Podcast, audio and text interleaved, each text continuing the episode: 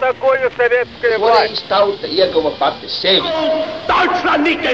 Liktenīgas nejaušības un slēptas likumsakarības, subjektīvas patiesības un objektīvi aizspriedumi. Pēc atkušņa nekad nenāk uzreiz pavasars, bet sākās Arī šodien cilvēki ir ļoti tuvredzīgi. Viņi redz to naudu, kas ir. Televīzijā jau pamatā notiek cīņa par varu. Pagātne no šodienas skatu punkta un šodienas caur pagātnes prizmu. Raidījumā šīs dienas acīm. Katru svētdienu Latvijas radio eterā Eduards Liniņš. Labdien, cienījamie klausītāji!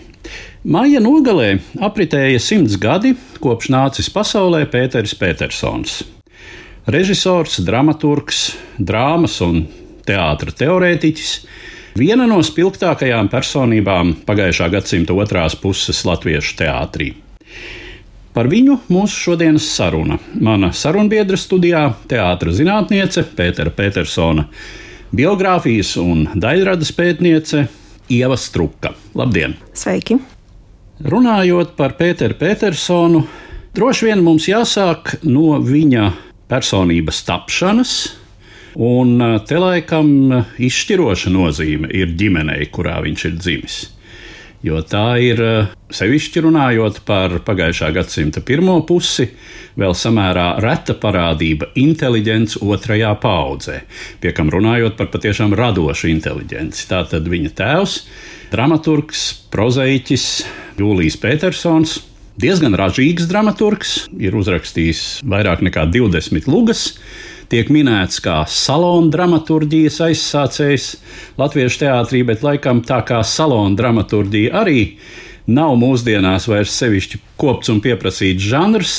Tad arī Jūlijs Petersons ir no mūsu teātra kopainas, arī teiksim, aktuālās, iestudētās dramaturgijas kopainas zudis.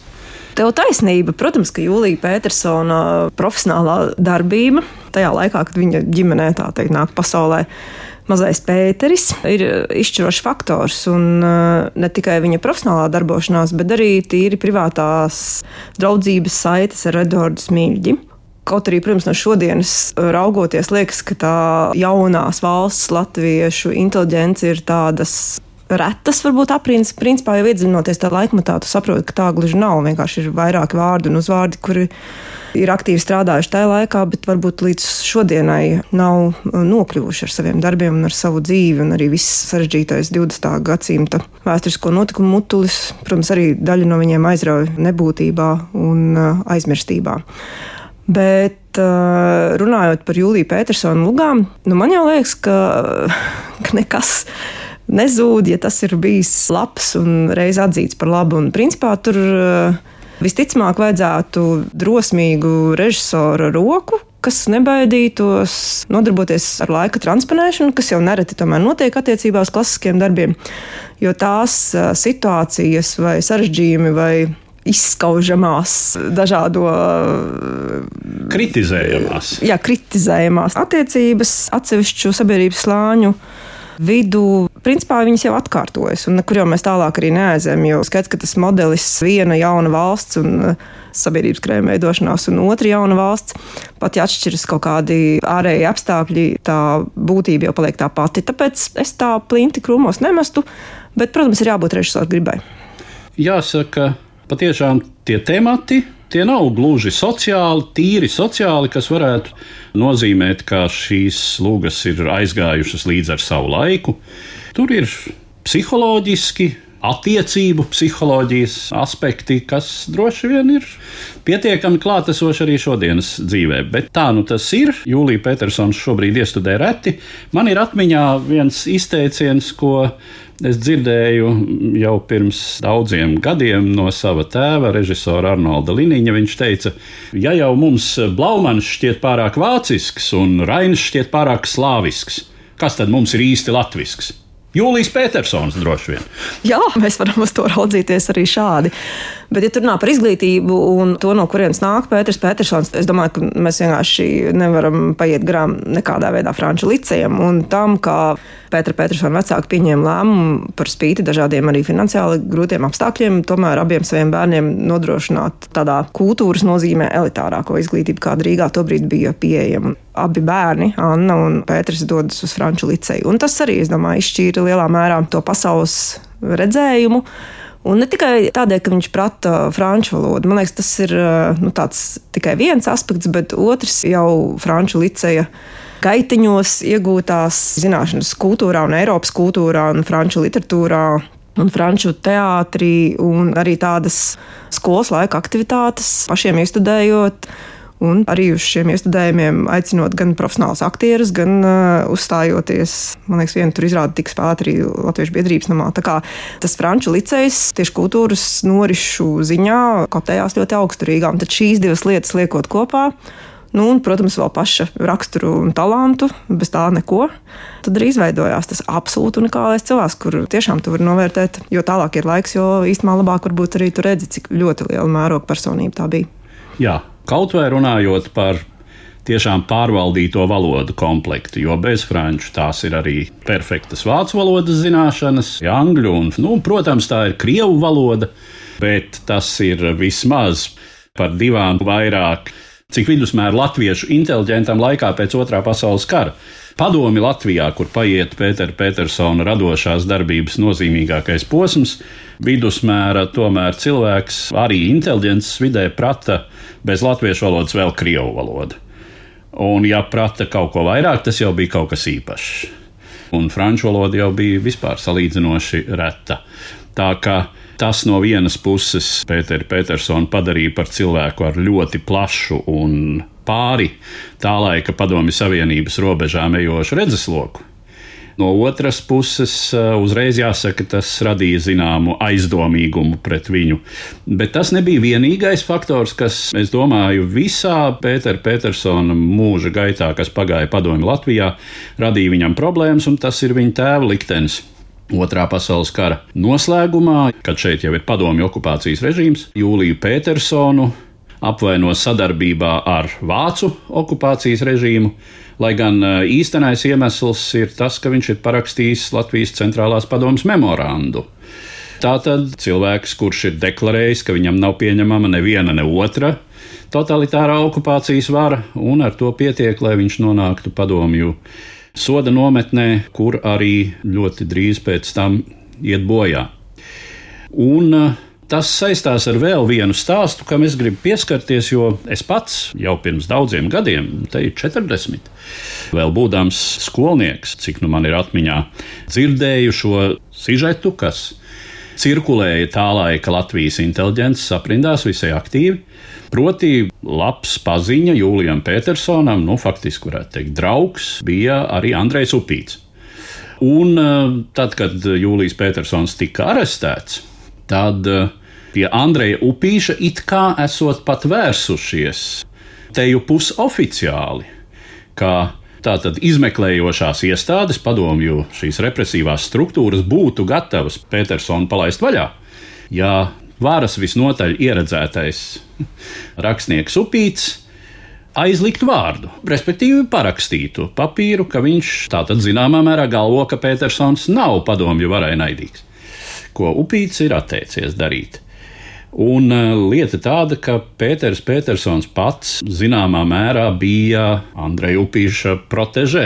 Nu, Upīts centās balstīt Pēteru Petersonu, bet šis stāsts palika Pēterim Petersonam ilgi slēpts. Un, uh, nu, viņš to vēlāk uzzināja. Droši vien tā bija zināma psiholoģiska trauma. Bet tas tikai raksturo arī tās attiecības, respektīvi to vidi, kurā Pēterim Petersonam nācās darboties.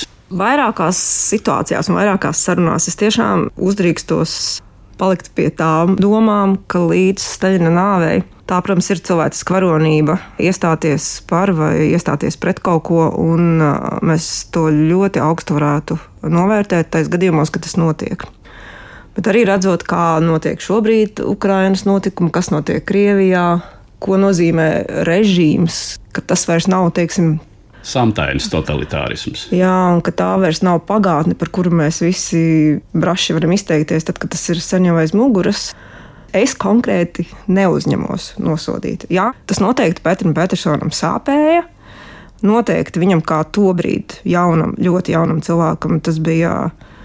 Viņš bija īpaši jūtīgs teiksim, šajā jautājumā. Tas bija viņa tēvs. Un tās attiecības šai ģimenei īstenībā bija ļoti tuvas vecākiem ar bērniem, kā es to noprotu arī no Annas stāstītā. Tāpēc tas, protams, ir traģiski saprast, ka teorētiski varēja kaut ko vērst par labu, bet tas nenotika nu, neuzņēmības vai baiļu vai pieņemsim, ka vienaldzības dēļ. Bet tā jaunībā es to varbūt nosodītu, šodien es mazliet raugos citādā. Jā, gluži tāpat kā es jaunībā, tobrīd vēl priekšatmodas gados, nu jā, nu, maita upīts. Tagad ir modē atkal to atkārtot, jo piemineklis joprojām stāv un daudziem šķiet, ka ne tā ir pareizajā vietā vai vispār nevajag. Bet tas tiešām ir jāsaprot, ka ik viens, kurš iestājās par kādu tādā situācijā, riskēja pats ar savu ādu. Un tiešā tekstā ar dzīvību elementāri. Īstenībā tas bija risks ar dzīvību un līdz pat Staļina nāvei. Un pēc tam, lūk, gan par dažādiem kompromisu un kolaboracionismu gadījumiem, es domāju, mēs jau pietiekami godīgi un atklāti varam runāt, bet um, nu, tā.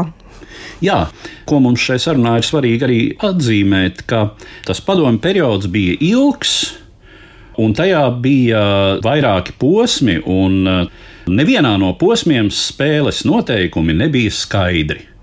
Ja runā par Staļina laiku, tad eh, tas bija laiks, kad reizēm tika iznīcināti pat šī režīma visusticamākie un eh, vispārliecinātākie atbalstītāji un līdzveidotāji. Nerunājot par eh, režīmam, opozicionāriem, kaut vai tikai domās. Vēlāk spēlītes kļuva ne ar tik augstām likmēm. Dzīvību zaudēja tikai daži, bet uh, vienalga tādu skaidru spēles noteikumu, ar ko tu vari rēķināties. No tomēr visu kontrolējošā režīma puses tādu īsti nebija. Un tas, laikam, arī ir Pētera Petersona liktenī ļoti pamanāms motīvs. Es vēl vēlos piebilst, ka patiesībā ne jau tikai tēva liktenis bija izšķirošs Pētera Petersona tālākajā dzīvē. Gal galā praktiski jebkurš Latvijas iedzīvotājs, kurš bija pabijis kurzemes katlā, un eh, kuram pēc jebkuras varas valdošiem noteikumiem tur nebija jābūt. Tāpēc, ka īstenībā viņam bija jābūt pēc visiem parametriem faktiski leģiona rindās vai vismaz kādu tranšēju racēju rindās. Principā visi šie cilvēki pēc filtrācijas nometnes jau uh, bija nu, jebkurā gadījumā aizdomās turamas personas par to, kāda ir viņu patiesā nostāja un kāda ir viņu vieta jaunveidojamajā padomju valstī. Un tieši tēva arests faktiski tas ir pat brīnums, ka Pētera Petersona kurzemē sastopot taisnā ceļā neaizsūtīja uz Sibīriju. Jo, man liekas, ja tur tā loģistika būtu fakti sagājuši kopā čekai, tad būtībā tam pēc loģikas tā bija jābeidz. Un Otrs faktors, protams, ir arī māsa, kas bija emigrējusi. Tobrīd atradās Vācijā bēgļu nometnēs un pēc tam nokļuva Amerikā. Tur jau pēc tādas pilnas programmas, kā jau saku, viņš nebija īsti vēlams padomvarē. Vai tomēr tam, kā mēs pieminējām upīša klātbūtni viņa liktenī, vai tam, ka Eduards Smilģis viņu uzskatīja par savu kā tas tika definēts, krustdēlu. Viņš bija īsti smilts krustdēls, kristīts, taču laikam nē. Man liekas, ka kristīts nē. Man vismaz nav atmiņā šāda konkrēta kristība apliecība, bet garīgā ziņā viņš bija krustdēls vai visādā ziņā viņš bija uh, drauga dēls, tātad smilģim. Un, jā, protams, es domāju, ka tieši tāpat kā Smilģis daudzus piesedza, tā viņš arī tiešām paņemot pie sevis Petersonu un nodarbinot teātrī un uzreiz iesakot stāties studijā un turpināt mācības. Tas bija tāds alibi. Iespējams, bija vēl kāds, bet nu, šis visādā ziņā bija ļoti būtisks. Bet tai kurzemes katlā tas, protams, ir ļoti aizraujošs periods daudzu kultūras personību dzīvē. Ar aizraujošu, protams, ir no šodienas skatu punkta tad droši vien nekas tik aizraujošs tur nelikās. Bet es domāju, ka ļoti daudz tomēr tika dokumentēts. Pats Pēters Petersons ierakstīja lugā tikai muzikants, un spriežot pēc vēl pāris sarakstiem ar personu uzvārdā Krauksts, ko es arī atradu muzejā tad, kad es rakstīju grāmatu par Pēteru Petersonu, tomēr šis frontes teātris bija tāds uh, izkārtne vai veidojums, aiz kura cilvēki mēģināja darboties, lai nekādā veidā neiesaistītos tiešās cīņās vai politiskās aktivitātēs. Un līdz ar to es pieņemu, ka tas kļuva par arī tādu attaisnojušu faktoru, ka tu reāli neesi bijis ar to ieroci rokās. Un arī tajā koncentrācijas nometnē viņš jau savu bija liepais koncentrācijas nometnē atsēdējis jau pie vācu varas, kas līdz ar to tomēr arī bija tāds faktors. Nu jā, tas droši vien bija izšķirošais. Vai es pareizi atceros, ka viņš tur nonāca par izvairīšanos no iesaukšanas leģionā? Par viltotiem dokumentiem, ar kuriem viņi tur visi figurēja tā, tā saucamajā ceļojošajā teātrī.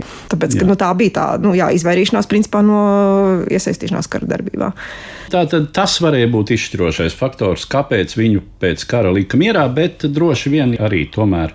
Iespējams, kāds labs vārds, ko iespējams tas pats upīts vai diezgan ticam, varbūt savā reizē smilģis par viņu aizlika.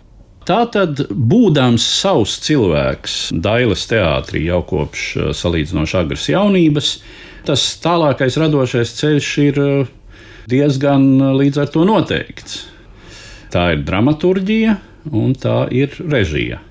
Tad, kad 1964. gadā Pēters Petersons kļūst par Dailas teātra galveno režisoru, droši vien tomēr 60. gadu otrā puse tas ir viņa eh, režisora radošās darbības apgājējs.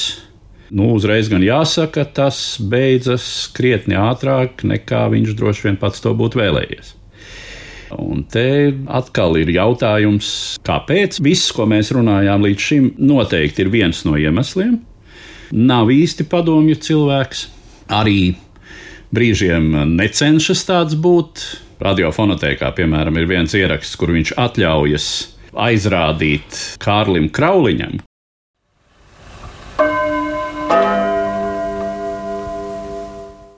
Turpinājumā fragments no Pētera Petersona uzstāšanās Latvijas Padomju Rakstnieku Savienības 5. kongresā 1966. gadā. Biedri, Valdis Luks savā pārskata referātā kādā vietā aicināja mūs šeit kongresā runāt par to, ka rakstnieku vidū nedrīkst būt liekulības un divkosības. Un varbūt atļaujiet arī man kaut runas iesākumā ar šo mazliet nepat, pakavēties pie šī varbūt mazliet arī nepatīkamā temata.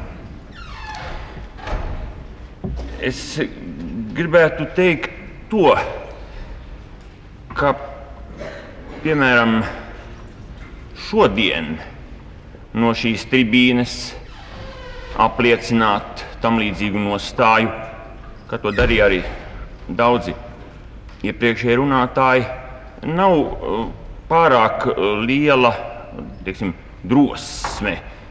Nu, teiksim, daudz drosmīgāk tas vismaz būtu izskatījies teiksim, nu, apmēram priekš diviem, diviem puses gadiem kaut vai no šīs pašas vietas.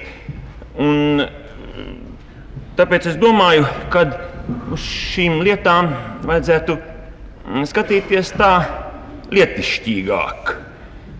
Nu, es, piemēram, neesmu nekad brīnījies par nu, piemēru pēc es minu teiksim, par biedra krauliņa, žultainajiem rakstiem, kad viņš, piemēram, pat jau tādā periodā, kad katrs jau tāds kaut cik pārorientējies cilvēks jau saprat, ka tagad, piemēram, šaut tā kā cirko ar spogulīti uz aizmuguri pār plecu uz Evaldu Vilku par viņu stāstu 12 mm, km jau ir teiksim, vecmodīgi. Vēl tad mm, ar tādu lielu teorētisku kaismi pierādīja ar svaigām atziņām, kur tieši slēpjas teiksim, šī stāsta kļūda. Es mm, domāju, ka mums par to tā nevajag brīnīties. Tas ir šī kritiķa pasaules uzskats, ar to vienkārši vajag rēķināties. Mm, bet es, piemēram, daudz mm, vairāk eh, tā, manī tādu lieku izbrīnu rada, un to es runāju šeit tāpēc tieši par šo tematu divkosība, e, kad, piemēram, šoruden Vietas Krauliņš pēkšņi tādā saulainā rudens rītā mūsu laikraksta cīņas pēdējā lapusē tā iepriecina ar tādu rakstu, kur viņš visiem atkal tā draudzīgi sit pa plecu. Es to visu tā citēju pēc emocionālas atmiņas, nepārlasīju uz šodienu šos rakstus. Varbūt tur ir kāda neprecizitāte, bet par cik arī Biedrs Kauliņš tā bieži ir rīkojies ar rakstiem, es domāju, viņš man šo neprecizitāti piedos. Bet, ja zina, kas ir Kārlis Krauliņš, cilvēks, kurš vēl Staļina laikā kļuva par galveno latviešu padomju literatūras uzraudzītāju ideoloģiskās tīrības nozīmē, tad Krauliņam vispār kaut ko sliktu, pat kaut arī 60. gados. Savreiz jau Pēters Petersons sakrāja ogles sev uz galvas droši vien, bet uh, viņa kļūšana par galveno režisoru, kas arī ir saistīta ar tādu nesevišķi tīkamu situāciju. Vispār Dailas teātris, jāsaka tā, laikam no turienes neviens šī teātra radošais vadītājs nav aizgājis tā, kā viņš pats to būtu vēlējies. Pat ja viņš uzrakstīja atlūgumu dažos gadījumos uz paša vēlēšanos. Šajā gadījumā runa ir par smilģi, par to, kā smilģa šī teātra dibinātāja un radītāja atrašanās šī teātra priekšgalā beidzās. Nu, vispār es domāju, ka šādā veidā mākslinieki, protams, arī ieprogrammē savu ceļu, jo mēs vairāk kultivējam to, ka te jau nu neviens nav aizgājis, tad, kad būtu gribējis. Tad ir jau diezgan skaidrs, ka, kā jau saka, katram nākamajam jau jāsāk uztraukties pēc zināmā skaita vadībā pavadīto gadu. Bet es pirms gribēju mazliet uh, reflektēt par tēmu, sakrāju uz galvas sev dagošas ogles. Es domāju, ka tās viņš krāja regulāri, un pie tā droši vien pie vainas tomēr bija lielā mērā viņa raksturs un arī tā tiešām ekscentriskā izteiksme. Un varbūt prasme veidot tādas lietišķas attiecības līdz vienam brīdim, un tad tomēr uh, eksplozija, ka tu nespēji liekuļot vai teikt to, ko tu nedomā. Un tas kaut kā, man liekas, neizbēgami arī izveidojas, jo pirmkārt jau tie priekšnoteikumi, kāpēc viņš kļuva par dēls teātra galveno režisoru, tas ir tomēr jau vesels uh, desmit gadu ilgs posms, kurā viņš iestudēja ārkārtīgi veiksmīgi. Lielā mērā viņš strādā tātad ar Gunāru Priedes dramaturģiju, jeb realistisku dramaturģiju, un tad vienā brīdī viņam pašam kā māksliniekam liekas, ka šis jaunais realisms vai liriskais dokumentālisms, ja mēs visādi vēl to varētu saukt. Dokumentālisms tādā vairāk nozīmē, ka viņš atspoguļo tiešām tās sava laika konkrētu cilvēku dzīves stilu vai paradumus un tā tālāk. Izjūtu. Izjūtu tad uh, viņš sākot ar uguns un nakts iestudējumu.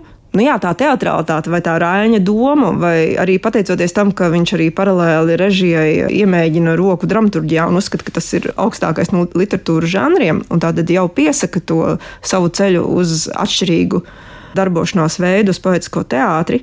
Nu, man liekas, ka tas arī veido pirmā šī posma noslēgumu. Un ir skaidrs, ka tajā savā vērienā viņš atjauninātā veidā, bet pietuvojas smilģa stilam. Un tiešām nedrīkst aizmirst, ka smilģis ir ļoti lielos gados. Tā situācija ap smilģi, man liekas, ir ārkārtīgi sarežģīta. Petersons pats tiešām arī ne jau tikai apkārtējiem, bet arī man pēc daudziem gadiem teica, ka, protams, ka ja viņš būtu zinājis, kāds izvērtīsies, viņš būtu vēl meklējis veidu, kā šo nu, līdzās pastāvēšanu organizēt. Nu, vārds tiešām nozīmē, jo tas jau nav tikai kaut kāda viņa viena personiskā nepatika pret to, ka cilvēks tādā pussabrukuma stāvoklī pārvietojas pa teātru un mēģina vēl kaut ko vadīt tas tomēr bija arī starp aktieriem un darbiniekiem. Ne jau no dieva puses Pēters Petersons mm -hmm. kurināja kaut kādas intrigas pret smilģi. Tas bija objektīvs. Smilģis mm -hmm. bija vecs, slims un uh, ar raksturā un paradumu īpatnībām. Un uh, droši vien viņam bija laiks pensijā tā ir tās medaļas otrā puse. Jā. Jā, tā bija problēma droši vien, cik viņš vairs bija spējīgs kaut ko vadīt. Varbūt viņš vēl bija spējīgs kaut ko iestudēt, bet teātris vadība sevišķi tajos laikos. Bet, jebkuros laikos. Jebkuros laikos. Es domāju, ir kaut kāds brīdis, kurā tu jā. tomēr. Tā tomēr nevar. ir vadība. Jā, jā, Pat, teiksim, radošajam vadītājam, mākslinieckajam vadītājam, tā tomēr ir vadība. Un vadība tas ir amats, tā ir profesija, tā ir zinātne. Un, Un neaizmirsīsim, ka Petersonam ir 40 gadi. Viņš nav puika, viņam ir ģimene un viņam ir dombiedri.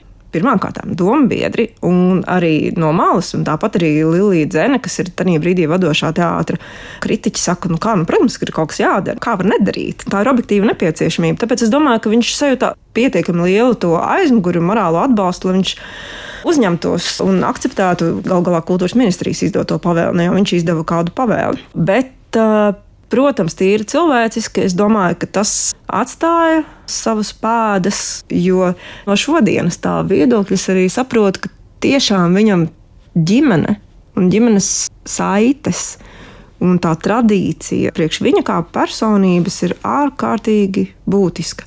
Līdz ar to pateikt, ņemot vērā, ka savam teiksim, garīgajam tēvam tu vairs nevari, tev ir jāiet projām. Es domāju, tas bija vēl pat smagāk nekā to varētu iztēloties.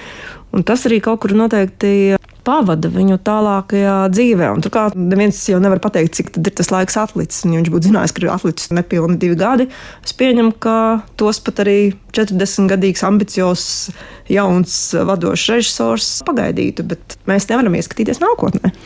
Tieši tā.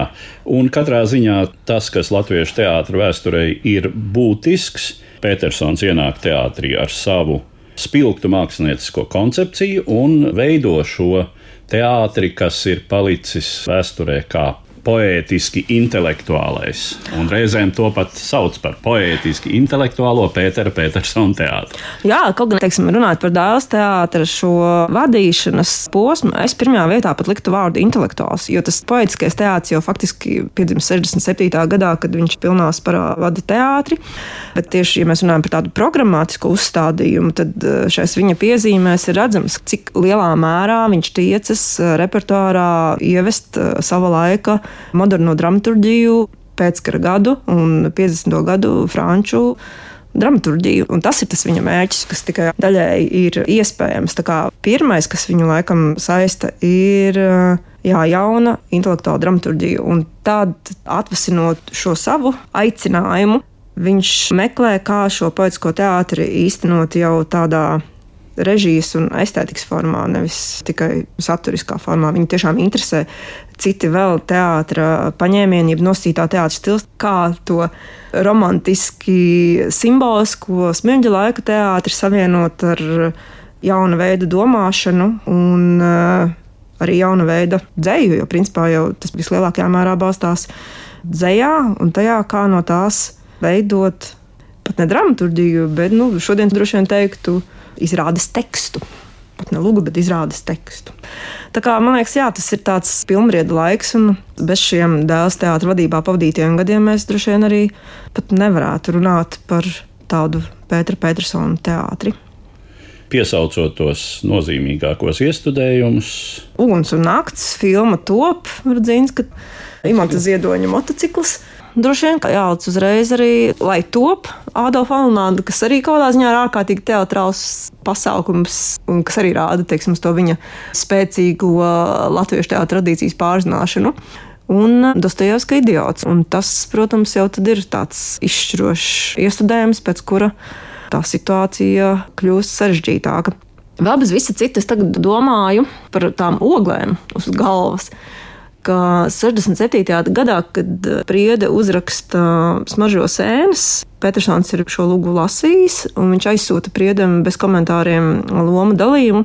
Es domāju, cik tas arī ir lielā mērā tādā dēls teātra kontekstā zināms fakts, jo ļoti iespējams, ka to zināja tajā brīdī direktors un varbūt Ansāms nezināja, jo principā viņš bija gatavs sākt nākamajā sezonā mēģināt, bet tad sākās visas peripētīs ap šo lūgu, tās apspriešanu un aizliekšanu. Un, uh, gluži nesen, ejot cauri vēl vienais tiem protokoliem, jā, nu, tas atbilst patiesībai. Gan Pēters Petersons, gan Imants Ziedonis ir tie, kas aizstāv lūgu, kuriem pietiek drosmes to darīt. Un tad mēs atkal atgriežamies pie tā jautājuma par drosmi, ka tādā 68. gadā Vienalga bija vajadzīga drosme, bet eh, šī viņa drosme var maksāt darbu, var maksāt karjeru, bet eh, nu, gluži dzīvību tas neprasa. Bet tajā pašā laikā ir cilvēks, kas nobīstas un labi pazīstami cilvēki, kas nobīstas. Līdz ar to izskan pirmā puse no sarunas, kas veltīta režisoram, dramaturgam un sabiedriskajam darbiniekam Pēterim Petersonam.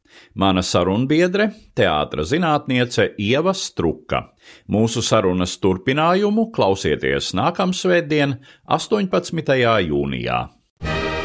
Katru svētdienu Latvijas radio viens par pagātni sarunājas Eduards Liniņš.